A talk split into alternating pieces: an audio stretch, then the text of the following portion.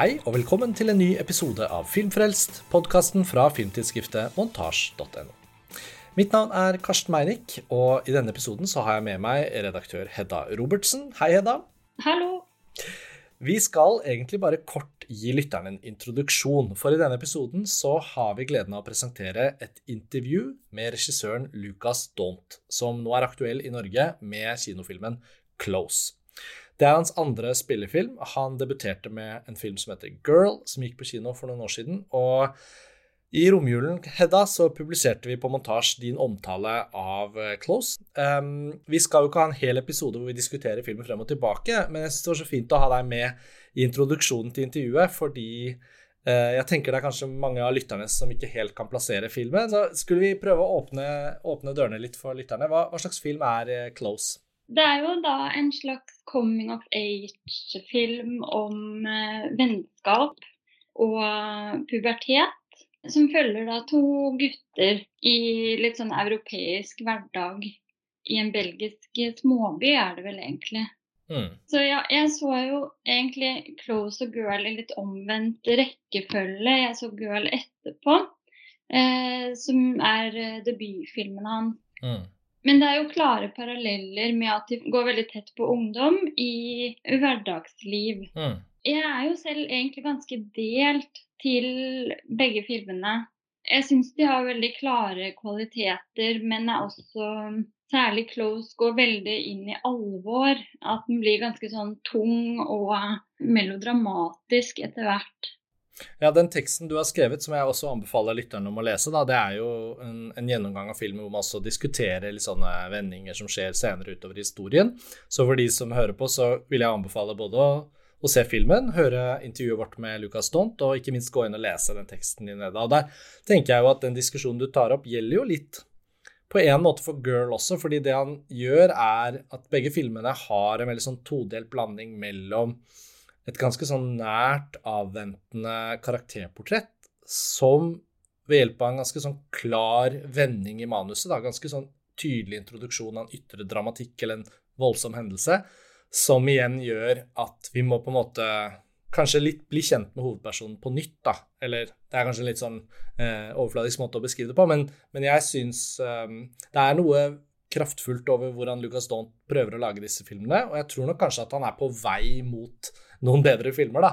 Eh, men jeg syns de er veldig verdt å se. Og så speiler han jo litt av den energien som en Xavier Dolan holdt på med i Canada, men på et mye mer sånn åpenbart sånn mesterlig virtuost filmspråk, og kanskje litt av Celine Siamma har nok åpenbart vært en inspirasjonskilde for ham, da. Men hvis du skulle tenke på hva som er de fremste kvalitetene hans eh, som en ganske ung filmskaper fortsatt, da, med bare to filmer under beltet, hva vil du hva vil du si er mønsteret? Altså, jeg tenkte også på Celine Siamma og Vannliljer og Tomboy. Mm. Det jeg syns fungerer bra, er jo hvordan han går veldig tett på karakterer uten altfor mye dialog. Eh, at mye uttrykkes bare med gester og mimikk. Og det som også gjelder både i Close og Girl, er at han bruke idrett eh, som en form for karakterutvikling. Mm. Så, I Girl er det da ballett, eh, og etter hvert i Close så er det ishockey som gjør da Leo mer sånn gruppetilhørighet og en eller annen slags eh, utvikling, da. Som mm. er maskulin på et vis. Ja, for det tenkte jeg veldig på i Close, at det var sånn, nesten sånn, sånn tvunget maskulin idrett for å, for å på en måte unngå å konfrontere seg selv med eventuelt det å være skeiv eller, eller, eller, føle seg ikke som en del av gruppen eller helheten. Og det er jo de skolegårdsskildringene nå, syns jeg går mye inn på det, da. Så selv om samtalen vår med Lucas Daunt som kommer nå, som vi gjorde i Cannes da, i forbindelse med filmens premiere i mai 2022, den er jo ikke så lang, jeg tror vel det er et lite kvarter, men forhåpentligvis så, så får vi litt bedre innsikt i hvordan han har tenkt da i arbeidet, eller det håper jeg dere, dere får. Um, Hedda, jeg tenker jo vi kan sette til samtalen egentlig nå, men vi hører jo veldig mye mer fra deg nå i tiden fremover, etter hvert som vi går inn i 2023 og filmfestivalen i Tromsø, da, hvor eh, det som blir din første TIFF som eh, del av redaktørtrioen vår her på Montasj. Det gleder jeg meg veldig til. Så da skal vi se masse film og lage mange flere podkastepisoder. Men Nå som det gjelder Close, så er jo det en film som hadde premiere i romjulen, og som fortsatt er kinoaktuell eh, i Norge, og som kanskje kan bli en del av Oscar-racet. Den er i hvert fall en del av shortlisten for beste internasjonale film, da. Og de poengene du kritiserer filmen for, er jo kjempeinteressante, og, og det får vi etterlate til teksten din, da, siden vi ikke tar den spoilerpraten her nå. Yeah. Mm. Da kan vi vel bare si takk for en kort liten prat, og, og så setter vi over til Lucas Daunt på en takterrasse i Cannes i mai 2022, og en samtale med ham om Close. God fornøyelse. Yeah, yeah, yeah. No, um, uh, Mr. Lukas Dhont, welcome to our uh, little podcast show. Well, you're the first one to use Mr. before my name. That's very nice. Well, it seems suitable. Uh, congratulations with your new film, Close. It just premiered here in Cannes just the other day. Got to start with asking about that. How did it feel to enter the main competition and, and see your new film on the big screen with two and a half thousand people? Uh, wow. Yeah. I mean, uh, just trying to describe it in one word would be would be very difficult.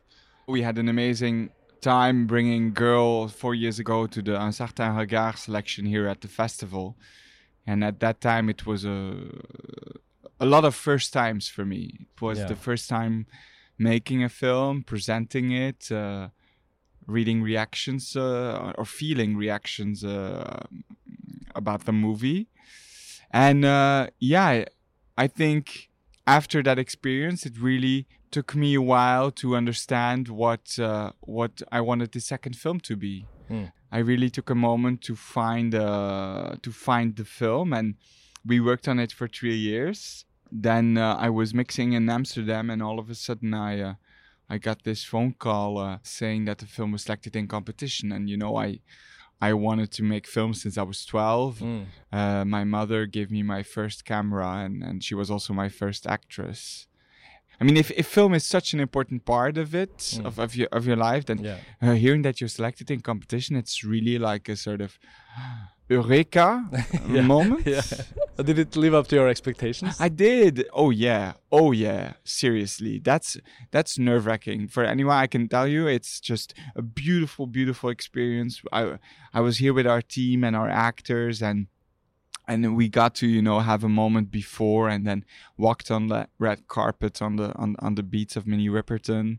Entering that theater, I was just incredibly emotional because it had been a long time building up to to sharing the film with a for the first time with an audience. And what happens uh, here in Cannes is that each of you filmmakers who bring us these stories, you bring also a slice of life from somewhere in the world, some Uh-huh. people that you have observed. And in your new film, Close, we meet these two young 13 year old friends. And it uh, was a very moving film to me. Thank you. I gotta say, I was immediately brought back to my own youth and these friends that either the ones I had every day in school Mhm. or these ones I saw every day in vacation, maybe. Mhm. And each year we met again. Yeah. So there was another film in competition as well, Eight Mountains. It treated some of these same themes. So now, as audience members here in Cannes, we are brought back to our youth all the time, every film we go in. So thank you for that, and uh, let me know a little bit about your choice of of theme here and. Uh, these two boys, they are so so central for the whole idea of the film that we can be part of one year in this main character's life. Um, can you tell us a little about the origins of the idea? Yeah, it's it's funny that you say that because I went to see the Eight Mountains on the second day that I arrived here because it's it's, it's a film made by by two very good friends of mine, Felix van Groeningen and Charlotte Vandermeersch. And you know, uh, when I saw that, I thought, wow, our films really are interconnected. Mm. When I came here at the festival, I uh, and I read some of the pitches, I was like, a lot of films here are about friendship Yeah. and I think that's beautiful. I remember this um, this interview with Julia Ducournau about Raw, who said that uh, she thought she was going to be the only film uh, about cannibalism when she arrived at the festival, and then she realized that there were five of them. And she was like, and so that's that's a bit the experience I had coming here with a film about friendship. Is that I have the feeling that a lot of people are are talking about it for me, I think we, we come out of this moment in time, out of this pandemic, and we, Yes. in, in a way, we've all been so uh, in our bubbles and, and and been been disconnected a little bit from the people that we love Mm. and so I, for me it's not a coincidence that so many films want to talk about you know that those very important relationships in our lives that are friendships they are incredibly universal like you say and and I and and that's why I wanted to make a film w- about them about the beauty of friendship but also the heartbreak Yes. and next to that, I think um, I had this strong desire to talk about friendship between uh, between boys. You know, about mm, the friendship between young men, because for me, another theme of the film is is masculinity, and I think that it's rare for us to see friendship between boys in such an uh, such an intimate and uh, and physical way. I think a lot of the times when uh, when we see boys behave like that, we want to label them or we want it to be uh, under this lens of uh, of sexuality. And Mm. I, I I think that what's the film about? The film is also about you know. Yeah, in that sense, the film is also really about masculinity, and I had this desire to share fragile images of of uh, of connection. I do feel your film truly reflect what you're just saying. So, um, so you must know your film very well, and I know that feeling of of constantly working on something uh, as an editor myself. You're uh, always shaping, always, and at some point you have to let it go. And um, I think what you are doing here so beautifully is that you are capturing that theme, but Uh-huh. it seems to be like a backbone of the film the way I look at it, I think like that has been there for everything that moves the film in some other direction. Something goes wrong on a location here, there. There's this core, and it runs through the film. It's it's it's very moving to me that the film. To me, it was not one singular scene, but it was all the accumulation of scenes and female um, coming of age has Yeah. this visual aspect. Their Yeah. bodies, their st- Yeah. you can see it in so many films, and I love those films. Yeah, But what is great here is that you are touching upon how this part of our lives as 13, 14 year olds, my Yeah. body didn't change much, but I changed hobbies and I tested out different friendships. And you don't know when you're stepping on some friend's Mm. toe or, you know, it's drawn more dramatically to the maximum in your film. But Mm. um, how did you find a way to kind of plan out to, to keep it that way? Like, was it always in the script, these all little slices, or did something come during your, the shoot or through the actors when you have chosen them? Like, how much changed on the way? Um, I mean, in the beginning, it was of course a mess. You know, in the beginning, it's always like uh, words on paper and things that are very, uh, at that moment in time, disconnected. But what I always knew is that I wanted it to be a film about uh, fragility on the one hand and brutality on the other. And and so I think that a lot of the elements that we gathered, you know, flower fields, uh, uh, uh, hockey costumes, uh, they all represent something in this film. So that um, I think we, we we made quite a physical film. It's not a film that depends a lot on dialogue or on spoken word. It's more a film that, you know, is about movement and ways that characters uh, interact with each other. I wrote it a little bit like a choreographer, and and and and uh, uh, in that sense, so I wrote, um, yeah, movements, and then I tried to out of those movements, I tried to make uh, a, a composition, and of course, you know, for me, a script is a is a is a starting point, and then as you work with young actors, and especially the way I work, I think I try to give them uh, next to the voila the context in which they are. I, I try to give them as much freedom as possible, so they can actually give us presents. Because if they if they're not free to do that, they can't give me that. Uh, so that's the beauty of it, and and like you said, I think this is a very universal feeling. We've all been uh, friends and we've all had friends, and I think we all know that sometimes among during our journey, uh, we we step on someone's toe, like you say, or we we disconnect or we lose friendships that were important to us, and and for me it was important to find a way that it that this film could connect to all of us and that we could all project on it Mm. a a very personal experience not only my my experience but also yours and also the one uh, of of uh, of the audience member in in in that cinema There was a filmmaker here this year who brought her first feature in Critics Week, uh, Charlotte Wells. Uh, the film is called Aftersun, and it, Yes. is, uh, it really uh, struck my heart as well. Uh, she said something beautiful at the screening. She said that tonight is premiere, it's what I've dreamed of, and tomorrow, tomorrow it's a memory.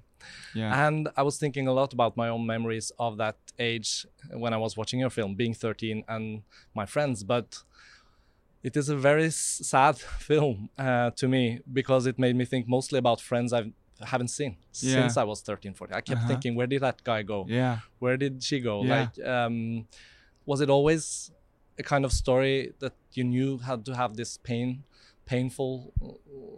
The sadness is perfectly beautiful. I think Mhm. it's uh, very, it's very. um, the film gives me, of course, a hope and a, a and a warmth as well. But the sadness struck really deep. Yeah. Like, is that personal to you as well? Like, Yeah. how- I mean, like I said yesterday after the screening, it's a film that I dedicate to uh, to to the friendships that I've lost and the friends that I lost along the way because I, voila, changed course or or didn't uh, didn't connect to them Mm. anymore. Um, I think I was someone who, at a young age, deprived myself from very important, uh, intimate contact with other uh, with other boys because I was afraid of it. Mm. Circling back to the theme of masculinity. Yeah, yeah, yeah. And so for me, this film was always, when I try to think of it, it was always about the friendship and the memory of a friendship. Because, you know, the film is an ode to me about that time that we were friends, but also now looking back and, and, and, and the lack of, of, or the memory of that friendship. Mm, so I mm. knew that the film always had to play in, on, tho- on those two levels and that it always also, um, had to express this deep feeling of mine that that that um that I think time that we spend with with some people is very or, or that the time can be very precious and and uh, maybe I do that so that uh, audience members who uh, who look at it are reminded of that. I feel like going home and calling up one of my old friends, you know. Um, uh, mothers uh, are very important as well. Yes. If I can, uh, uh, and I just want to bring up a few things. Like this year, the Dardenne brothers are here with the film as well. Yeah. Émilie Dequenne is in your Yeah. film. I remember her from Rosetta and Yes. other wonderful characters Of she's course. played. I keep going back to some filmmakers who have made wonderful coming of age stories. Xavier Dolan, Céline Sciamma Yeah. mothers are in and out of stories with the kids as main characters, but they are always there. And in your film as well, I felt that the relationship with the main characters two mothers in a way, uh, at least how it ends up, uh, was so beautiful. And I can imagine that combining professional actors with these kids must have been some sort of beautiful artistic uh, uh, touch that you i don't know how involved you go do you let them work with each other to get that uh, relationship so truthful Yes, I mean yes, yes. Really, I you know, indeed, Émilie Dequenne is someone. What was beautiful about Émilie Dequenne is uh, that uh, she's an actress who uh, did a first role uh, when she was young. You know, like like like Eden now. Yeah, So she's not only an actress uh, in this project, she's also someone who accompanies uh, uh, someone that did what she did. You know, so she's the best. I think she's the best mentor to do that.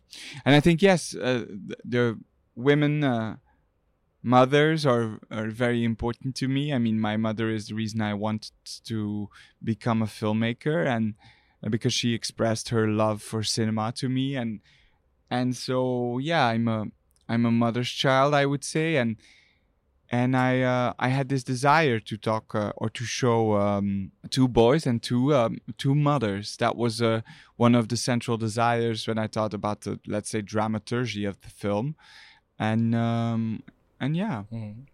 So to to finish off, uh, you are uh, you are here for the final end of the festival. yes, The family of the festival is all these other filmmakers. You have the Dardenne brothers. You have uh, other Palme d'Or winners. You have other young filmmakers as well. Joachim Trier in the jury as well. What are your expectations now for the end of the festival to to celebrate cinema with these people? Celebrate cinema with these people. that is the expectation. I mean, the, those names that you're yeah that you're naming are uh, are people who've uh, have a very specific language and are, are yeah of a of a younger generation making making incredible work. So Mm. and Mr. Lukas Dhont as well. thank you for family. calling me Mister. Thank you. Thank you so much for the talk and good luck with everything. And we look forward to see the film in Norway when it comes around. Thank you so much. Thank you.